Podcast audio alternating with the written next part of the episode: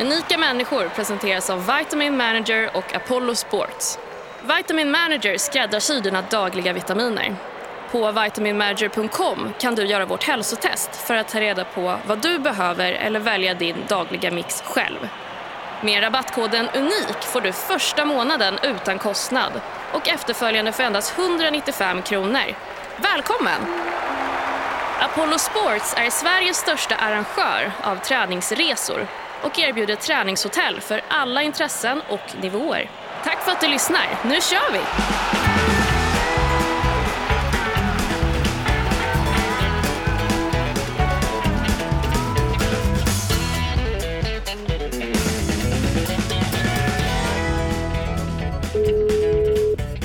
Damer och herrar, välkomna till ett extra avsnitt, ett extra insatt avsnitt av Unika människor med mig Jojje Borssén. Och eh, varför det här är ett extra avsnitt är ganska enkelt för vi har en rykande het intervju framför oss med en av världens bästa triatleter som eh, vände upp och ner på vår värld för några veckor sedan när han eh, körde på 7.49 i Ironman Köpenhamn. Han heter Patrik Nilsson. Välkommen till Unika Människor.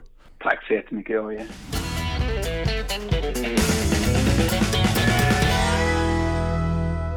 Hur känns det att vända upp och ner på alla triatleters värld? Det känns riktigt bra. Det, det var nog mer än vad jag förväntade också. Eh, men jag åkte till, eller bor ju i Köpenhamn, eh, så tanken var ju att men, det vore riktigt fett att vinna. Eh, det brukar ofta bli just i och med att det är sista loppet som proffs kan samla poäng till Hawaii i år så brukar det liksom bli ett relativt gott, ett relativt bra startfält. Så målet var ju liksom, jag vet, vinna vore, det är liksom det ultimata målet. Eh, men att göra 7.49 var långt över förväntan. Det var riktigt, riktigt häftigt.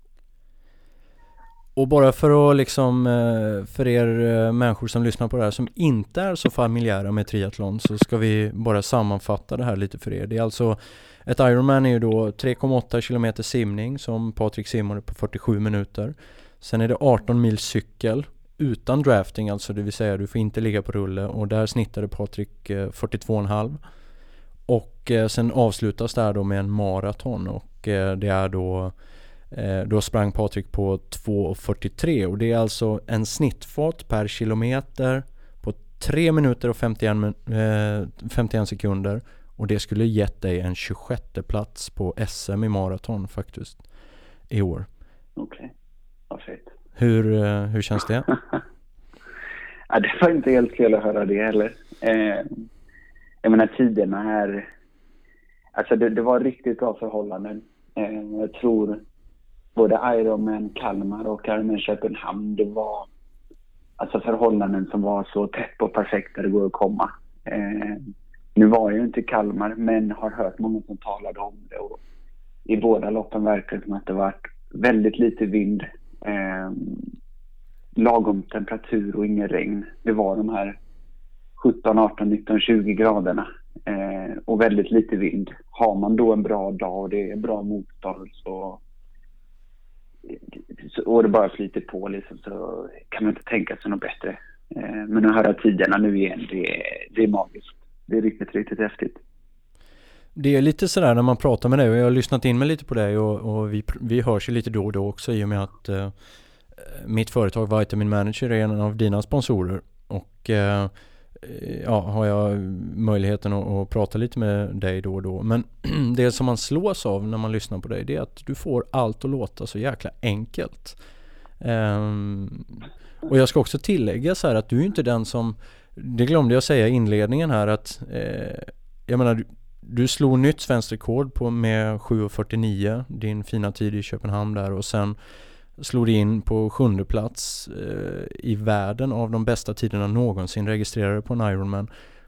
Och, och sen skiter du i att uppdatera din Instagram och sociala kanaler på två, tre dagar så här bara. Eh, ja, det, det är inte så här att du...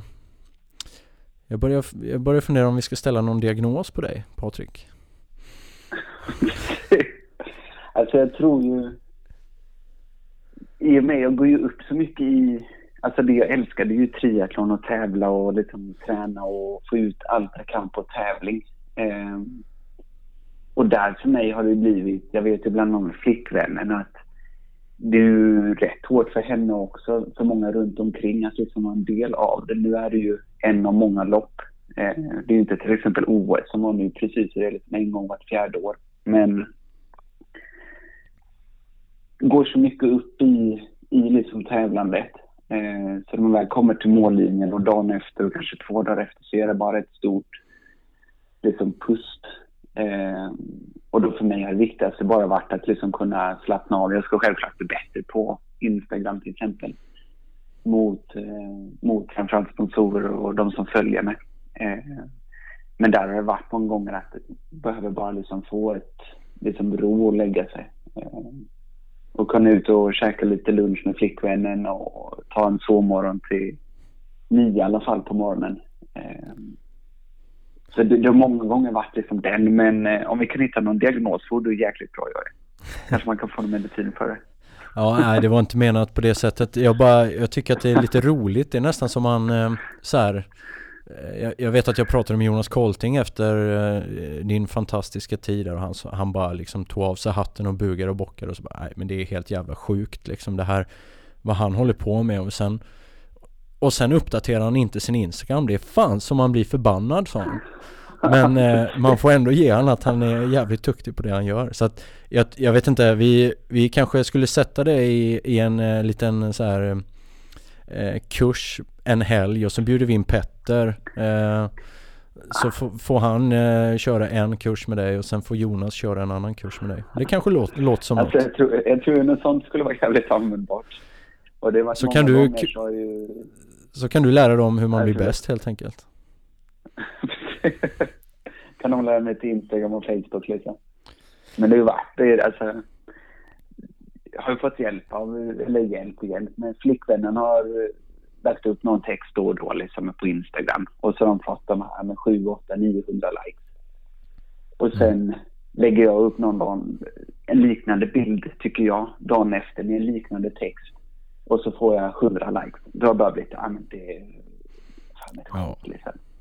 Då har det blivit, ja men då lägger jag istället lite extra tid på att simma tusen meter till eller cykla en mil till och löpa de där extra kilometrarna. Eh, så får jag vara bra på det istället för Instagram. Liksom. Jag skulle däremot vilja vara bra på det.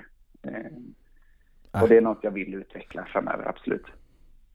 Men du Patrik, det är ju fantastiskt att eh, jag kunde fånga lite dig mitt i språnget här på, jag vet att du, du är en busy man eh, trots att det har, det har gått några veckor sedan du slog det här fantastiska svenska rekordet och gjorde den här tiden eh, 7.49 och du eh, du är endast 25 år gammal. Jag, jag börjar tänka så här, vad fasen, om man gör sådana tider när man är så ung som dig. Det känns lite som, vad fasen, vad har du kvar liksom? Förstår du vad jag menar? Ja, ja, alltså, alltså jag tror ju, jag hade Du har den... vunnit väldigt många internationella tävlingar också ska jag säga. Alltså jag hade ju den när jag började med, när jag bytte till min tidigare coach då. Eh, så hade vi den diskussionen också. Att många, många triatleter börjar just med kortdistans.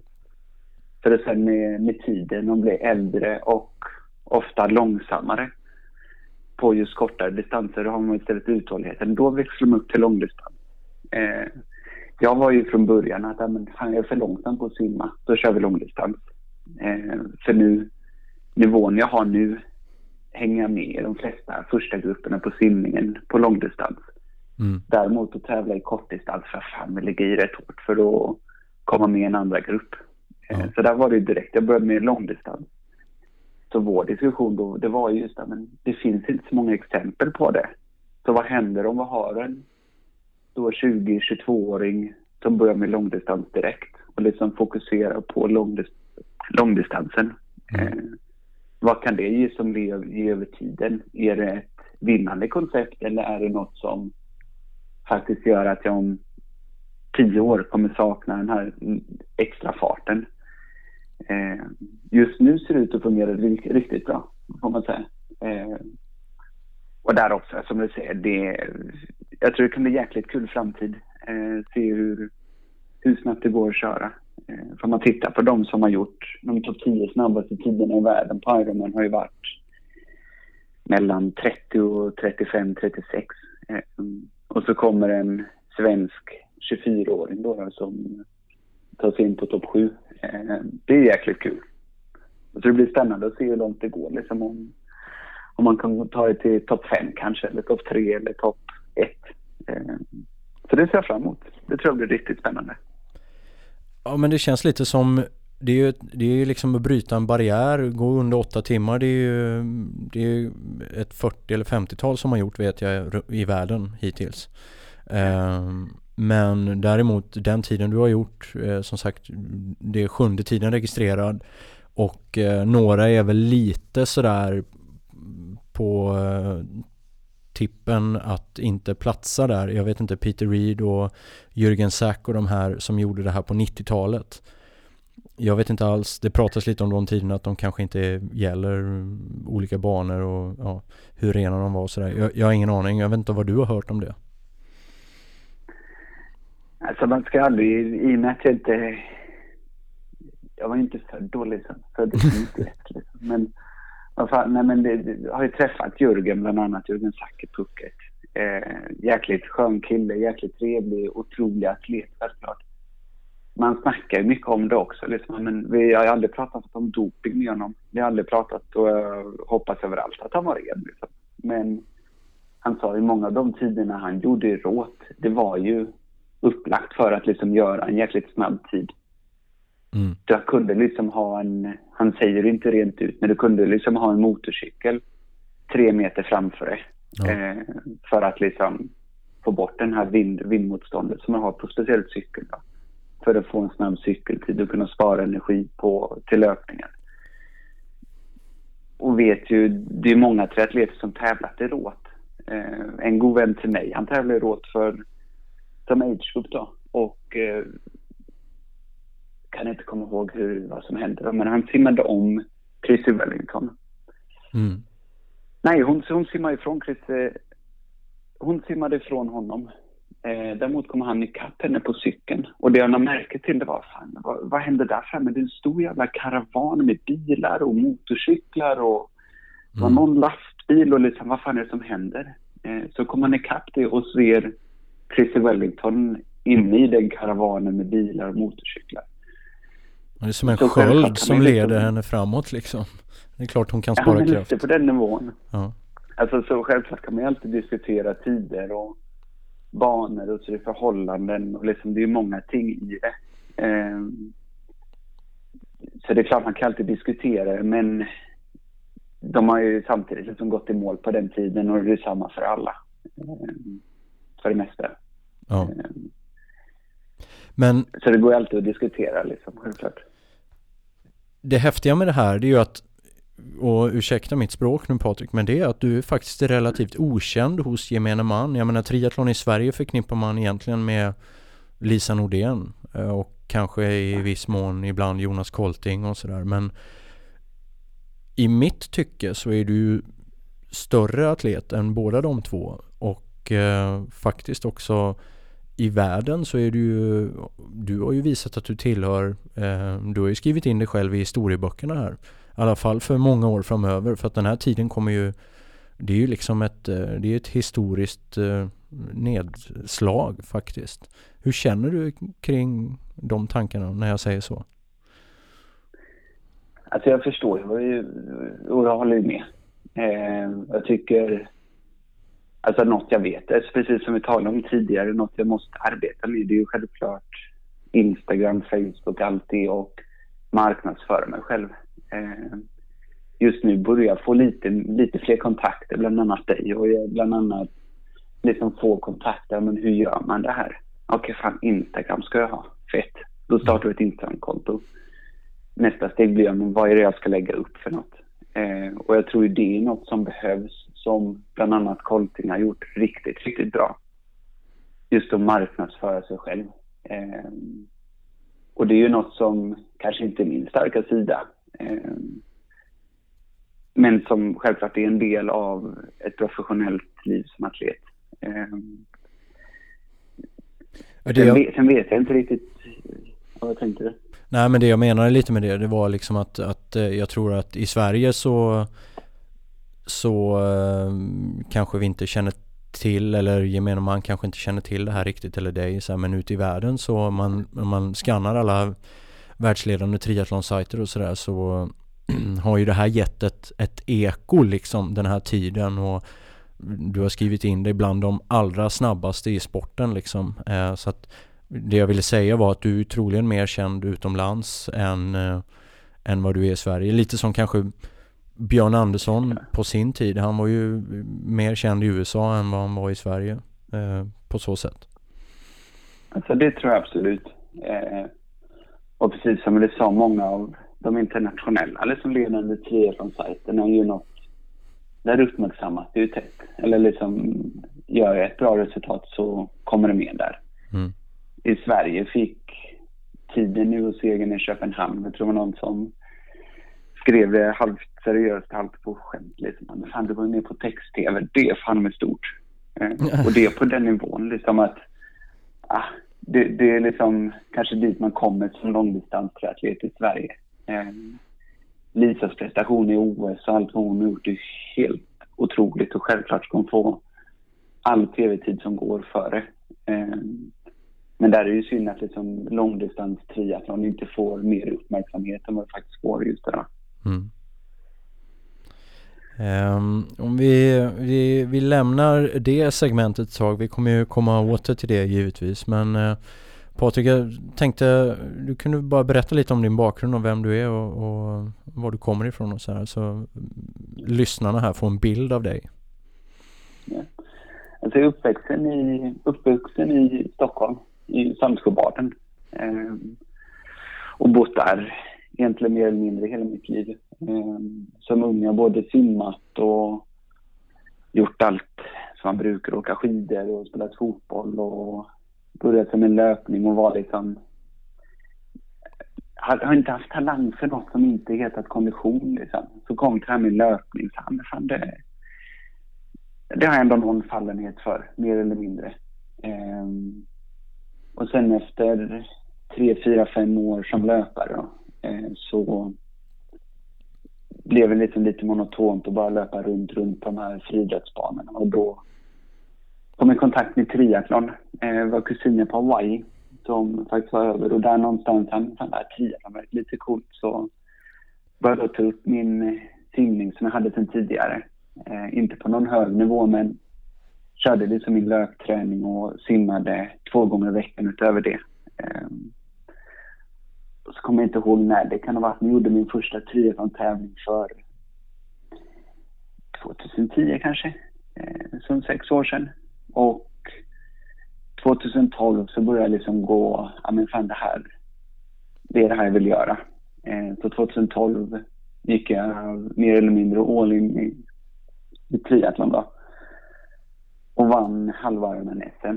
Eh, och det blev liksom, fick jag lite prispengar och liksom, fan det här lägger vi på träningsläger.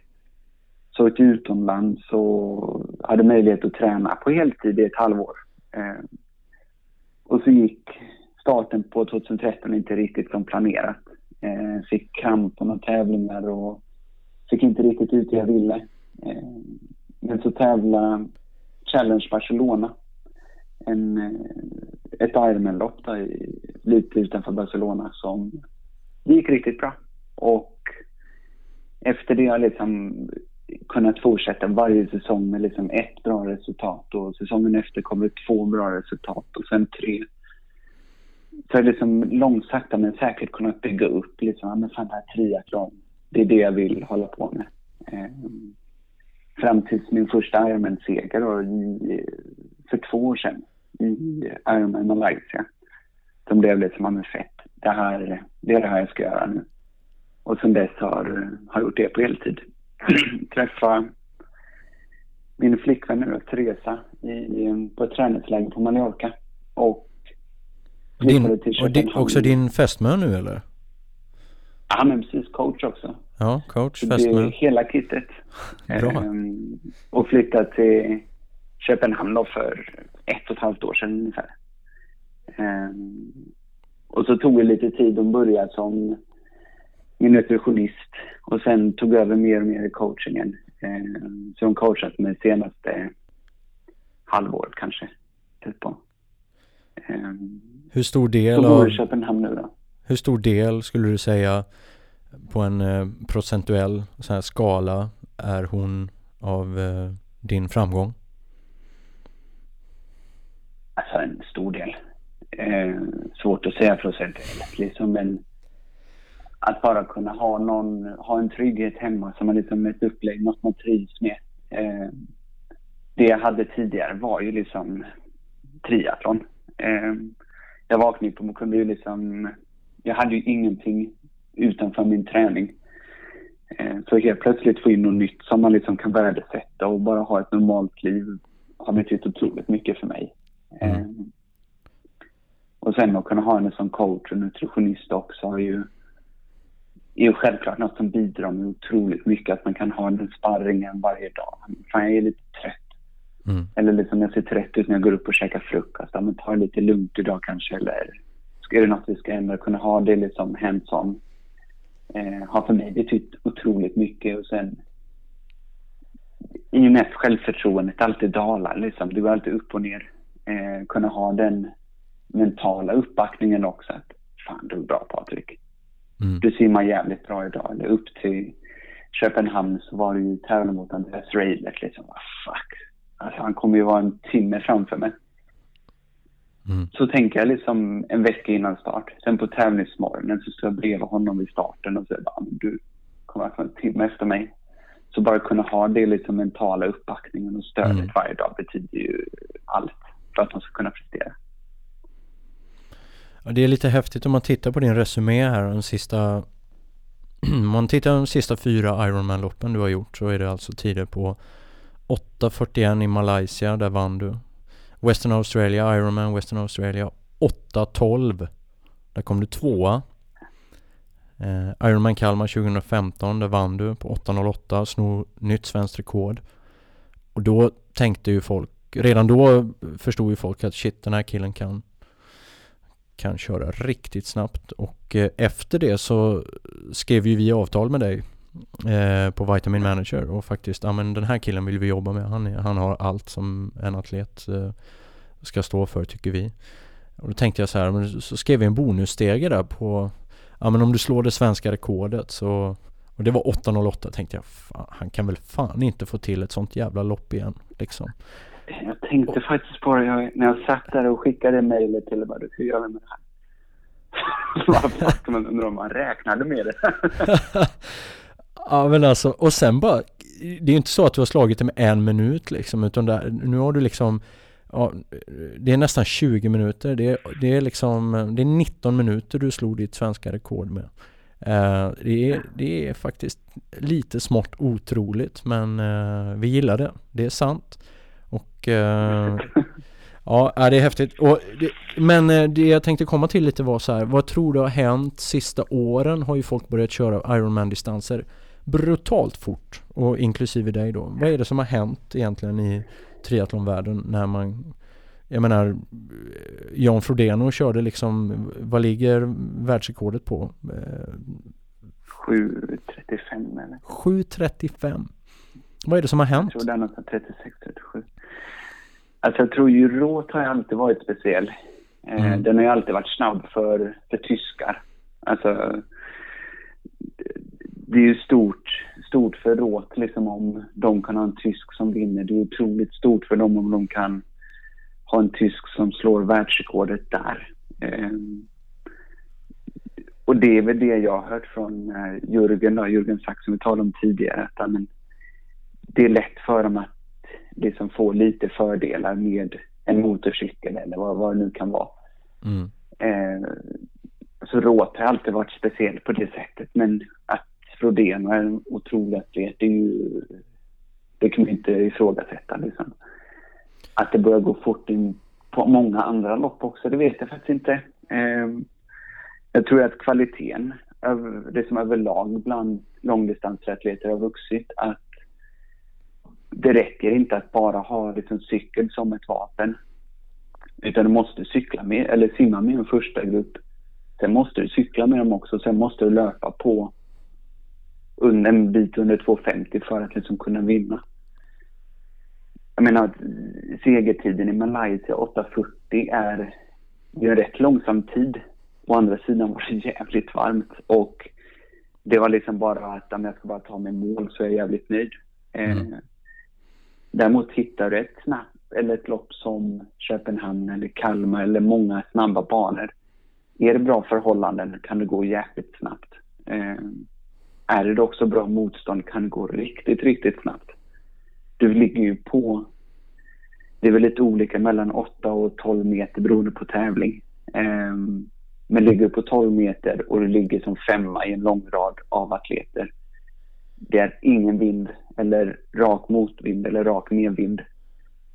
Då går det jävligt snabbt och du sparar samtidigt lite energi. Du får lite drafting. Eh, och det är därför jag tror många lopp har fått den regeln att, eller många, några lopp har ju 20 meter. Att det är liksom avståndet det ska mellan cyklisterna för att all drafting-effekt ska bort. Eh, mm.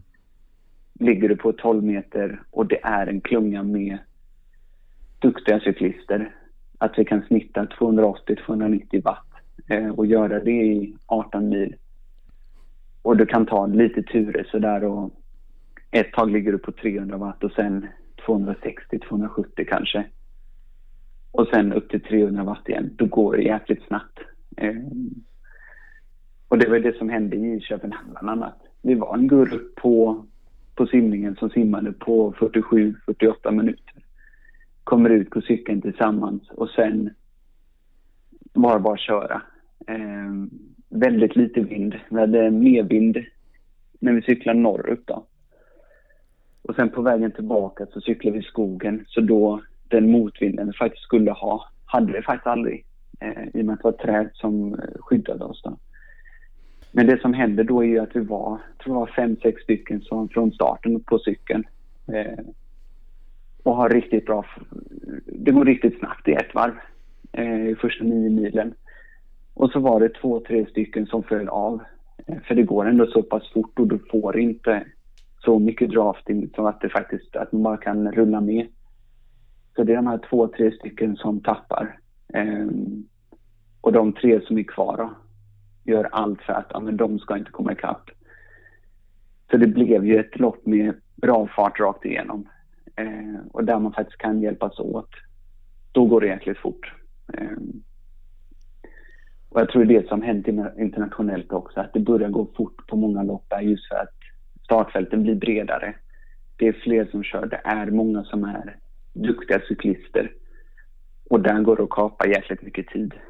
Eh, skulle jag gissa. Eh, dock inget mer vetenskapligt än det. Har, ehm, jag tänker på eh, när, när du står sida vid sida där på start i Köpenhamn med en kille som Andreas Reilert till exempel som är en av de absolut största i sporten och, och eh, ja, man brukar ju prata, prata om bröderna Reilert och sådär. Du nämnde det lite tidigare, känner du så här, har du, är du en underdog och känner du dig lite underlägsen än så länge i och med att, ja, han har hållit på kanske tio år längre än dig med det här. Och hur, hur känns det sen att liksom säkert få en klapp i ryggen av honom och säga när han säger att det var jävligt bra kört? Det var många frågor där. Alltså, ja men precis det att alltså, Finlandsstart vet ju att ja, men, på många sätt är en underdog. Det, jag menar, de som var speakers i Köpenhamn, men Patrik han är duktig men han borde vinna eller han borde vinna eller något sånt där. Eh, jag vet ju att jag inte har en meritlista eller ett CV som liksom är milslångt. Eh, men de tidigare däremot har gjort är i klass med att jag ska kunna vinna eller komma på pallen på de flesta internationella Ironman-lopp. Mm. Så jag vet ju att väl på startlinjen är jag en underdog eh, i många ögon, men vet också att jag har kapacitet för att vinna. Så jag tror att det är ett, många mm. gånger ett vapen att de vet inte vem jag är, men jag vet att jag kan följa med.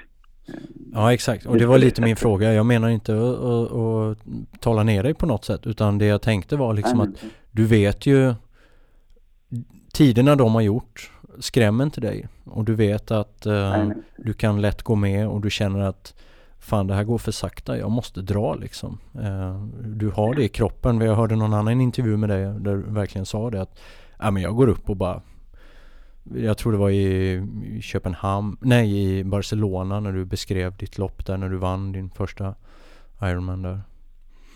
Uh, att du var tvungen att gå upp i täten och, och sätta pacen för att det gick för sakta. Alltså jag tror just det självförtroendet är något som har kommit med tiden. Att i, på halva där i Barcelona, att men fan, jag fick faktiskt gå upp i täten på cykeln. Det som jag tycker brukar vara min svagaste disciplin gick jag faktiskt upp i täten och fick liksom speeda upp lite. Detsamma nu i Köpenhamn, att amen, det var inga problem att följa med. Och jag fick gå fram till täten och liksom, men det går för sakta, kom nu. Bygga upp ett självförtroende som framöver liksom bara gör att, att jag känner mig mer trygg i den situationen. Eh, nu till Barcelona, till Ironman Barcelona om en månad så det, det, ska gå jäkligt snabbt för att jag inte ska följa med. Eh, så det bygger upp ett självförtroende som man kan leva rätt långt på. Eh, mm. Och det är väl det som behövs för att göra, ta liksom ett steg till internationellt i triathlon. Eh, men sen att liksom få den, som du frågar, ryggklappen från Andreas bland annat var ju, det hände ju. Vi kom faktiskt och skulle checka ut cykeln samtidigt. Vi, klockan var väl 10, 11 på kvällen eh, och vi skulle checka ut cykeln så träffade honom vi precis vid ingången. Så stod vi faktiskt och snackade och sa det var fan fett kört. Det var, jag är riktigt glad för din skull. Det var, det var helt sjukt. Eh, så få den ryggklappen från någon som är så stor var jag liksom tätt och större än segern. Eh, Men du krossade ju honom. Du var ju nästan en timme före honom, honom i mål. Han gick ju ner på löpet. Mm. han, jag vet han har varit skadad. Eh, så har inte riktigt kunnat löpa som han vill. Eh, som sa, så han cyklar och simmar bra. Eh, försökte hålla ihop det hela vägen men efter två mil så var han helt, helt väck. Mm. Så tappade han sin andra plats, tappade tredjeplatsen, tappade fjärdeplatsen och så gick det bara, men jag ska bara ta mig, mål, ta mig mål. Ja. Eh, hans stora mål är ju, blir Hawaii om en dryg månad också. Mm. Så han försöker väl liksom spara sig för det. Men du, på tal om Hawaii så eh, jag har ju alltid sagt att du är faktiskt den enda svenska triatlet på herrsidan idag som har en chans, en ärlig chans att vara topp tre på Hawaii. Vad tänker du om det? Eh, det var väldigt snällt sagt. Eh, alltså jag hoppas ju, målet har alltid varit, haft två mål när jag startade med triathlon. Det var att gå under åtta timmar och komma topp tre på Hawaii. Eh, en har du redan bockat av, 25 år gammal. Ja men precis. Jag har, har 10-15 år kvar att beta av varandra på. Eh, det, alltså det är ju ett... Liksom det är det ultimata, att kunna komma topp tre eller vinna Hawaii. Eh, och självklart något jag drömmer om varje dag. Liksom att fuck, det skulle vara coolt att bara få vinna Hawaii en gång skulle jag kunna få vinna det, så det är liksom fint sen. Men en gång skulle vara coolt. Eh, så jag hoppas att det är något som kan bli verklighet. Jag vet hur det är mycket arbete bakom det. Det ska vara motivation, det, allt ska bara spela, det ska inte vara några skador, sjukdomar. Alltså ingen... Ska inte krocka med någon bil liksom, eller vad det nu kan vara. Eh, så det är mycket som ska spela för att nå dit, men jag hoppas överallt att det blir verklighet. Eh, men, Både jag och coachen, eller Teresa, gör ju allt för att det ska bli verklighet. Jag tänker att är, rent tekniskt i år, 2016, är du kvalad till Hawaii? Skulle du få köra Hawaii om du ville? Nej. Nej. Jag körde ju Ironman Cozumel i, i höstas som ja. skulle vara mitt första lopp för att samla poäng till i år. Just det. Eh, och det bröt jag efter tre mil på löpningen. När du ledde? Eh, då var det huvudet som Ja men precis, det var lite speciellt. Eh, jag hörde, vänta vi stoppar lite där, vi stoppar lite där för att jag hörde en annan intervju på Tripodden precis innan idag vad som hände exakt där. Det är lite roligt. Då började jag faktiskt garva rakt ut när jag var ute och gick i skogen. Att du fick så här syntax error i huvudet när du började tänka på att du skulle vinna 160 000 spänn? Och då bara... Ja, men det var ju trätt på i Köpenhamn nu också. Det var fan med trätt på. Ja. Eh, men jag kan säga, alltså det var, det var mycket skit som hände liksom upp till det loppet med min tidigare coach och mycket liksom, mycket privat som hände. Eh, så jag kom, nu i efterhand kan vi diskutera om, eller som skulle åkt dit. Eh, mm. Men kom till loppet och liksom, ja men fan jag, jag kör och jag ska, fan, jag ska göra mitt bästa. Mm hade aldrig räknat med att det skulle gå så bra. Eh, så kom till tre mil, eller som gick ut på löpningen tillsammans med Stefan Schmidt som vann sen. Och vi löpte tillsammans och varje gång på vägen tillbaka, då, var ut och tillbaka på löpningen. Varje väg tillbaka hade vi lite medvind och lite utför. Eh, så då löpte jag ifrån honom med en halv minut, 20 sekunder kanske och sen på vägen tillbaka kom han ikapp. Så efter 15 kilometer så var fan nu, nu ser jag vad som händer om jag faktiskt trycker på. Eller var nog längre efter 20-25 kilometer. Ja, men nu, vi testar att trycka på lite.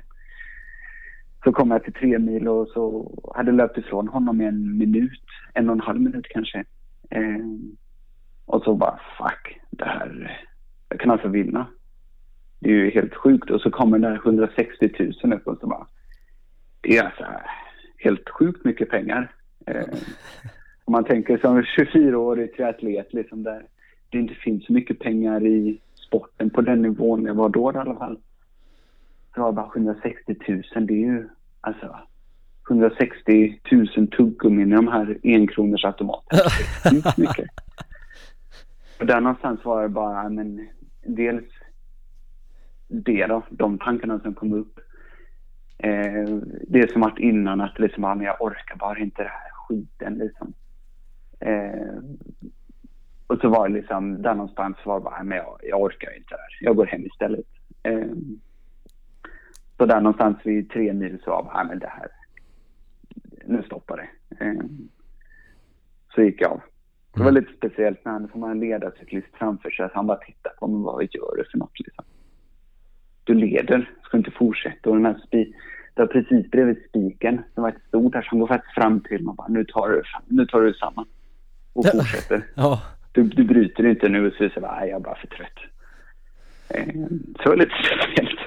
Men jag menar en god, en god lärdom. Eh, lärde mig mycket från det loppet. Liksom var, lärde mig mycket om mig själv. Eh, vart går min gräns liksom och något jag har försökt ta med mig senare också. För att tävla, för att tävla mm. riktigt bra, för att kunna pressa med max ska det vara kul. Jag måste verkligen, jag tycker det är skitkul att tävla. Jag älskar över allt att tävla och se hur fort det kan gå. Eh, så att faktiskt se, att liksom få det svart på vitt, det måste vara kul för att det ska gå bra. Mm. Var lite det jag behövde där. Men och något jag lärt mig mycket efter. Och det var det jag tänkte på. Så om du kör Ironman Barcelona nu och vinner där, låt säga. Är du kvalad då till Hawaii? Eller är det så hårt? Nej. Nej, det är... Det, du... Alltså de... Eh, precis, alltså du... Som proffs samlar du poäng från... Jag vet inte. Första september kanske. Första Aha. september till sista augusti. Ah, samlar okay. du poäng till... Just det, som proffs ja nästa år. Då. Precis så Barcelona, om jag vinner där, de poängen blir de poäng jag börjar samla till Hawaii 2017. Mm. De poäng jag fick i Köpenhamn är poäng som räknas till 2016. Just det. Så till 2016 Hawaii så har jag vunnit halva med Barcelona och vunnit Köpenhamn. Vilket ger, jag tror jag, 2750 poäng ungefär och du behöver 3750. Mm. Så hade jag kört, alltså det är det som är irriterande att titta tillbaka på. Hade jag gått till mål i KSML och kommit, då hade vi kommit fyra om jag bara, eller två om jag bara hade liksom kunnat löpa med Stefan då som jag löpte tillsammans med, men hade kunnat komma topp fyra, topp fem hade jag faktiskt kvalat till Hawaii. Ja. Um, så det är lite irriterande att titta tillbaka på så. Men det hade jag alltså kunnat göra. Eh, men det är ju inte det. Jag tackade nej till min plats förra året. Mm. För jag ser ingen mening att åka till Hawaii och inte vara klar för det. Eh, jag vill hellre ta ett extra år och liksom känna att amen, nu är jag klar för att tävla på Hawaii. Mm.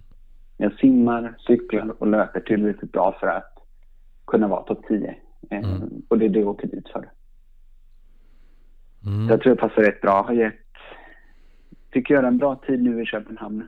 Eh, fick vinna en armen till och vi ser nu med Barcelona. Eh, åker nog tillbaka till Armen Cozumel för att få den liksom bort från mitt huvud. Eh, med de två armenloppen ser jag ligger till poängmässigt. Eh, och kan då börja överväga Hawaii. Det är, Mm. nog, det är tanken nu för 2017 i alla fall.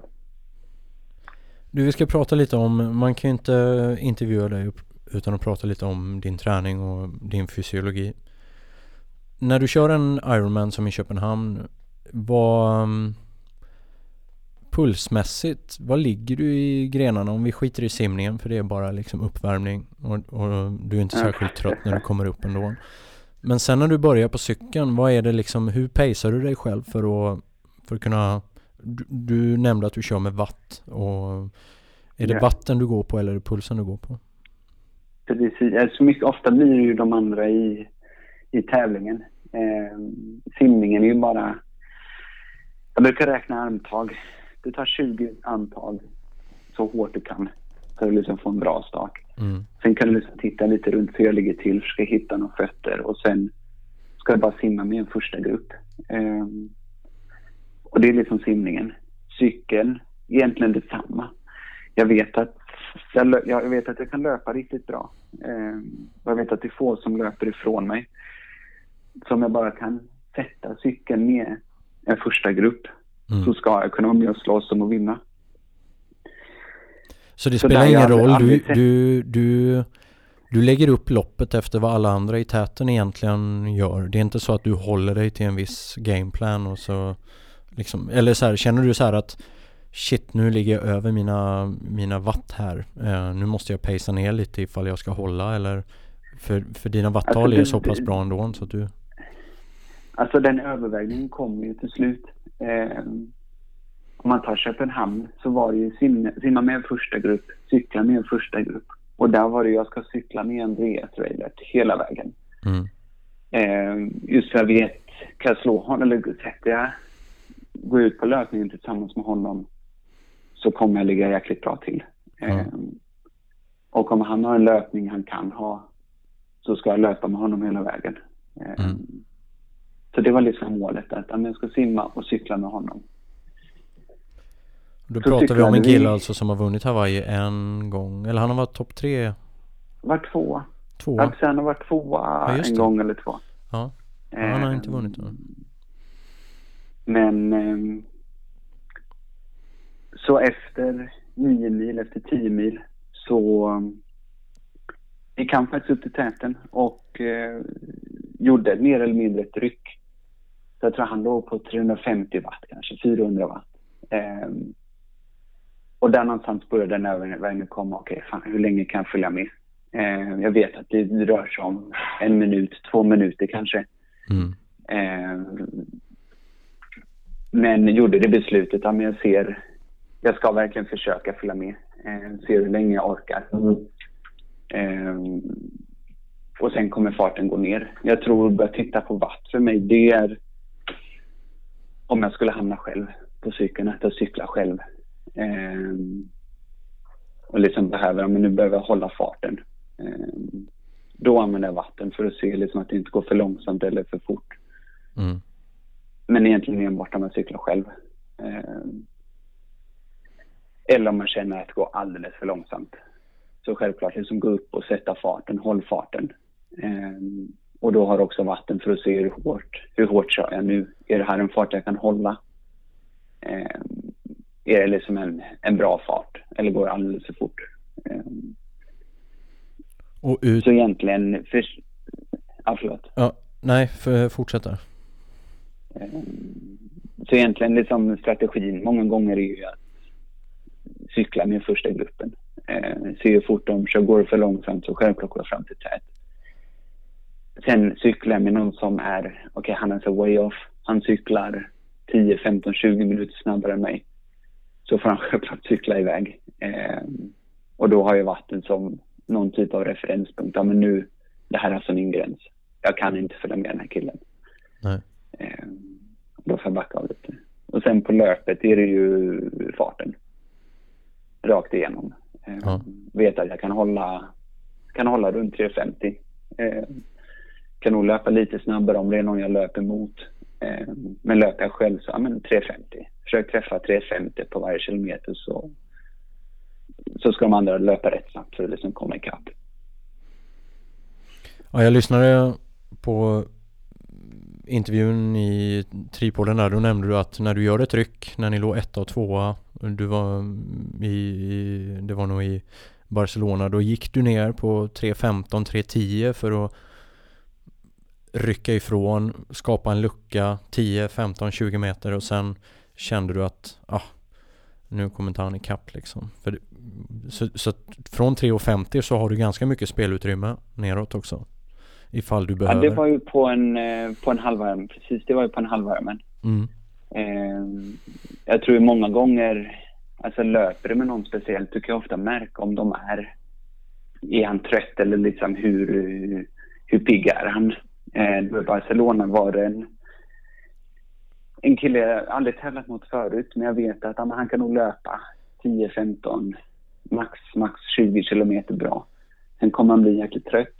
Eh, så när jag väl kom ikapp honom på löpet med tre kilometer kvar kanske, så var det liksom, okej men jag löper med honom och liksom får återhämta mig lite för ändå försökt liksom jaga ikapp. Eh, så löper med honom 500 kilometer kanske. Eh, och sen bara försöka göra ett tryck och ner till de här 3.15. Se hur han svarar på det. Kan han följa med? Eller att han tappar direkt? Eh, I det här fallet så tappar han jäkligt snabbt och jag fick de här 15 meterna, 20 meter. Eh,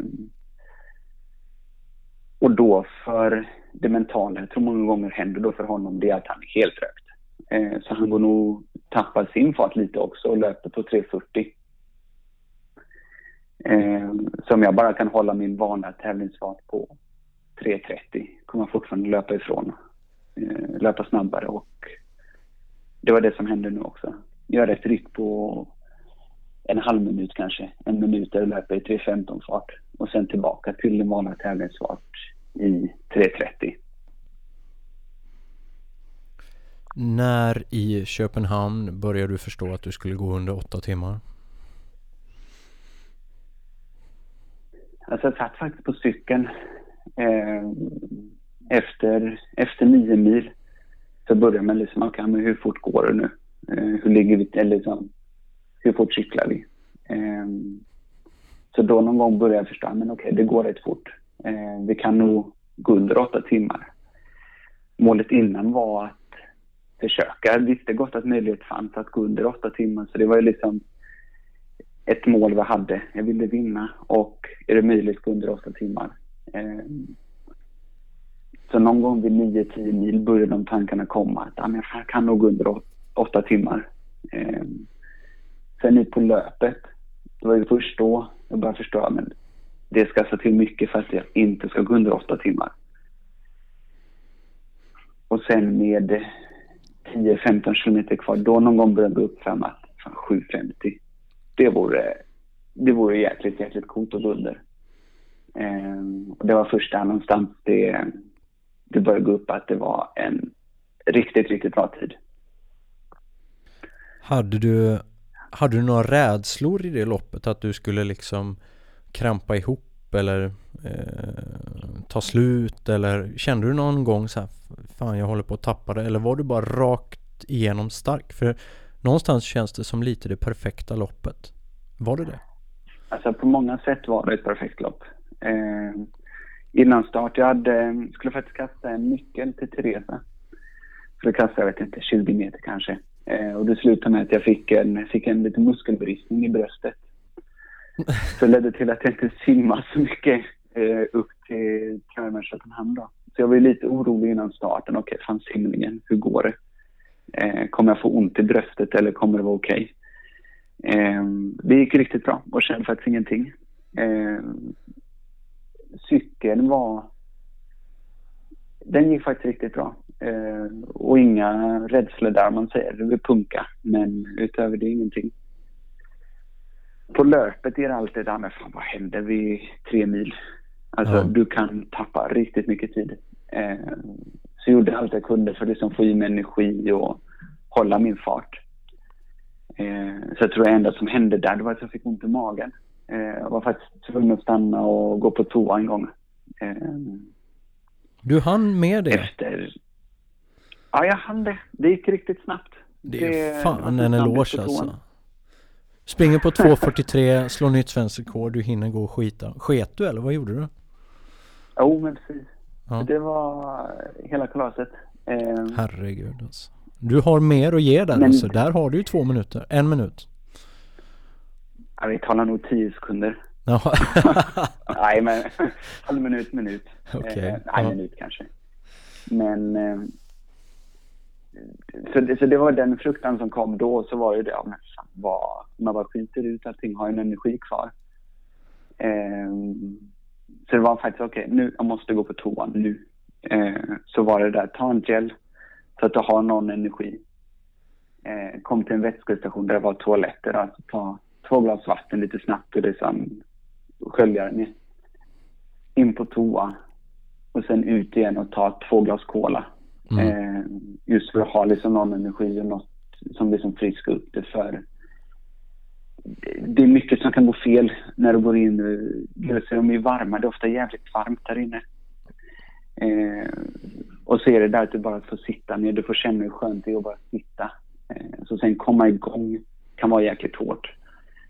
Eh, så för mig var det viktigt att liksom ta den där gelen innan, gå på toa, ut och ta två glas cola.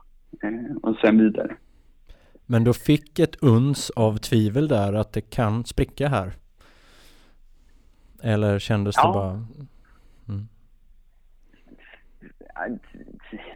Alltså det kändes bra. Ja. Eh, jag tror det som positivt var att jag tappade de där ett kilo, ett och ett halvt kilo på det toabesöket liksom. Eh, så det kändes jäkligt lätt efter. Eh, men självklart är du rädd att, men vad, vad händer nu? Kan jag löpa i 100 meter till och så är jag helt rökt? Eh, men det gick faktiskt riktigt bra. Eh, och ingen svacka alls där.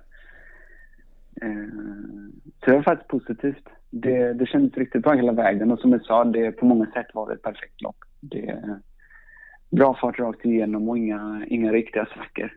Eh, Så det var riktigt positivt.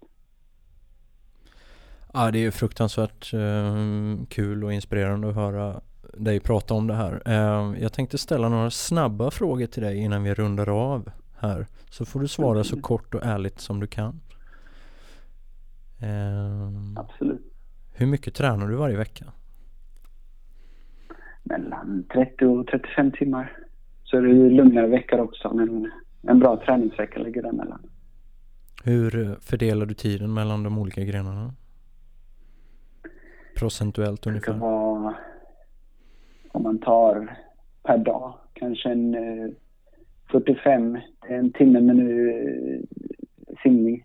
Eh, tre, fyra, fem timmar cykel, max fem timmar. Mm. Eh, och en timme till två timmar löpning. Eh, det är väl liksom det, där någonstans spelrummet brukar vara. Eh, så det är inte så mycket, ungefär som det är på tävling. Alltså, simma 3-4 tusen meter. Eh, cykla de här som kortast två timmar. Eh, som längst fem timmar. Eh, med lite olika intervaller. Nu ska jag ut och cykla fyra timmar. Med fyra gånger tio minuter i eh, halvvarmen fart. Och sen en timme lugn löpning efter det. Eh, så det är väl det som är rätt standard dag. Liksom en timme simning, tre, fyra timmar cykel, en timme löpning. Eh, så går det att få ut rätt mycket från det. Vad är ditt eh, favoritpass? Det är faktiskt eh, jag tror de här långa löppassen. Jag löpte igår i en och en halv timme bricklöp efter cykeln. Eh, lite by feel, eller lite liksom hur det känns. Eh, och det kändes bra. Så det är 90 minuter i, där första 1.10 var i 3.50 fart. Och sen sista 20 minuterna var i 3.30. Eh, så det var ett favoritpass när det som känns bra och ett långt löppass i halvhård fart sådär. Vad är ditt eh, sämsta pass när du ser på schemat att nej fy fan jag mår illa redan innan jag, innan jag gör det här? Vad är det?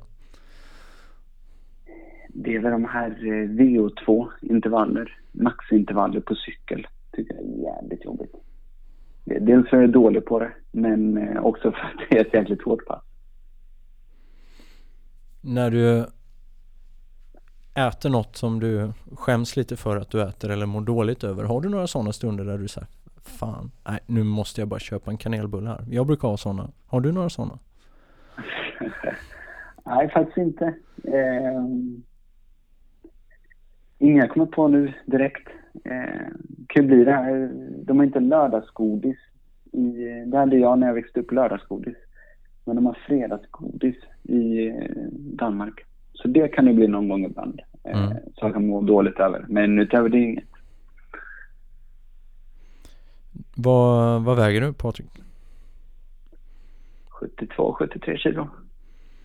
Skulle Var för ett länge sedan vägde mina.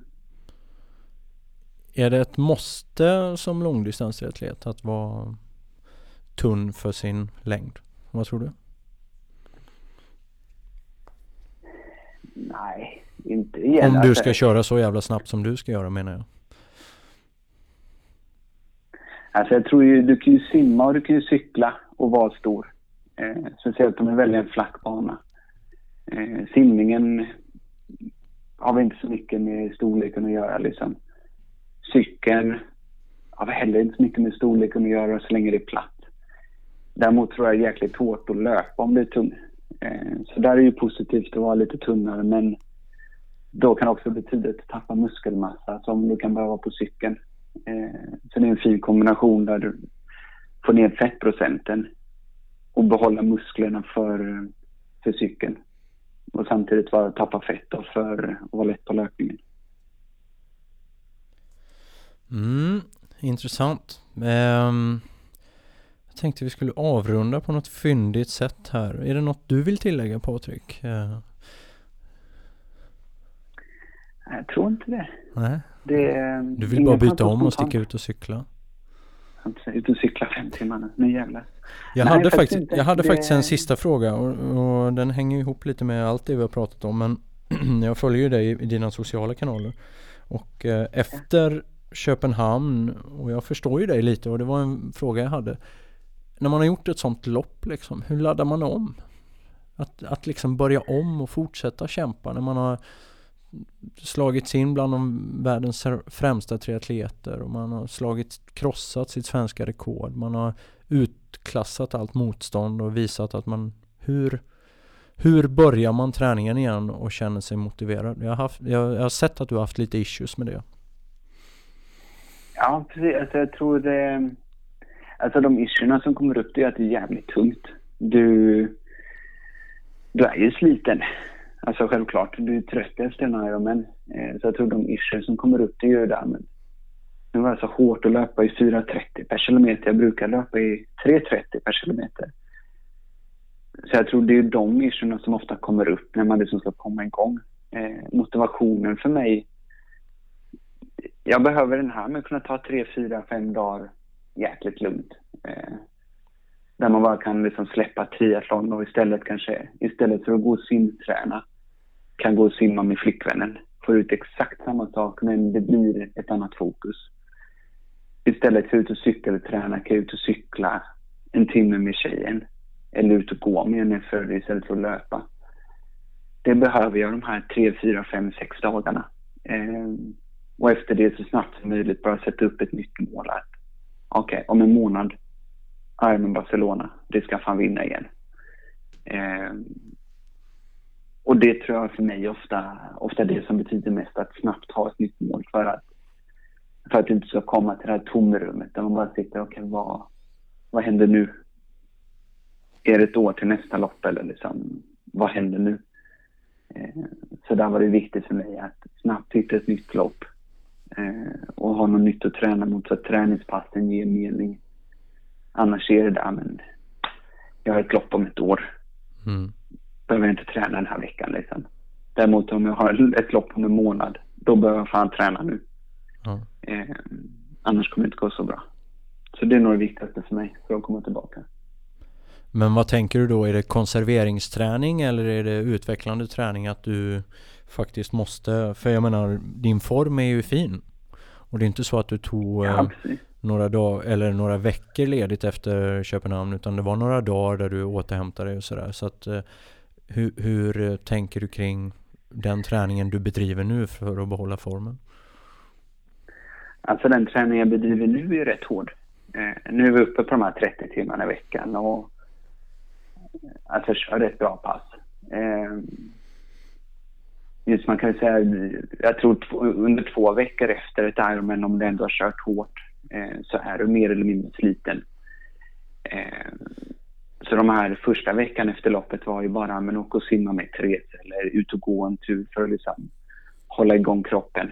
Eh, en vecka lite kom igång-träning. Liksom, men nu, nu ska vi börja träna. Det är inte hårt, det är inga långa löppass, det är inga hårda intervaller.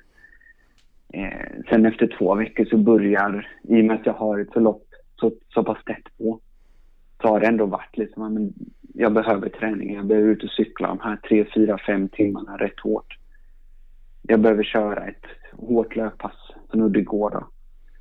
Eh, sen, om man tar, tar tiden mellan Köpenhamn och Barcelona var det ju en vecka lugnt, en vecka kom igång.